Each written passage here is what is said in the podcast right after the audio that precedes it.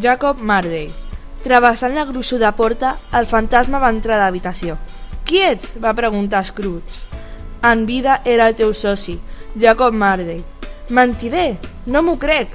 Aleshores, l'esperit va fer un crit espantós i va sacsejar la seva cadena. És necessari, va dir el fantasma, que l'esperit que tot home du a dins faci el bé als seus.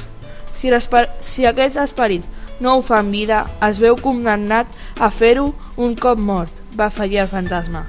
Es troba condemnat a vagallar, a vagallar pel món i a ser testimoni del que ja no pot compartir, però que hauria hagut de compartir quan era viu per ser feliç.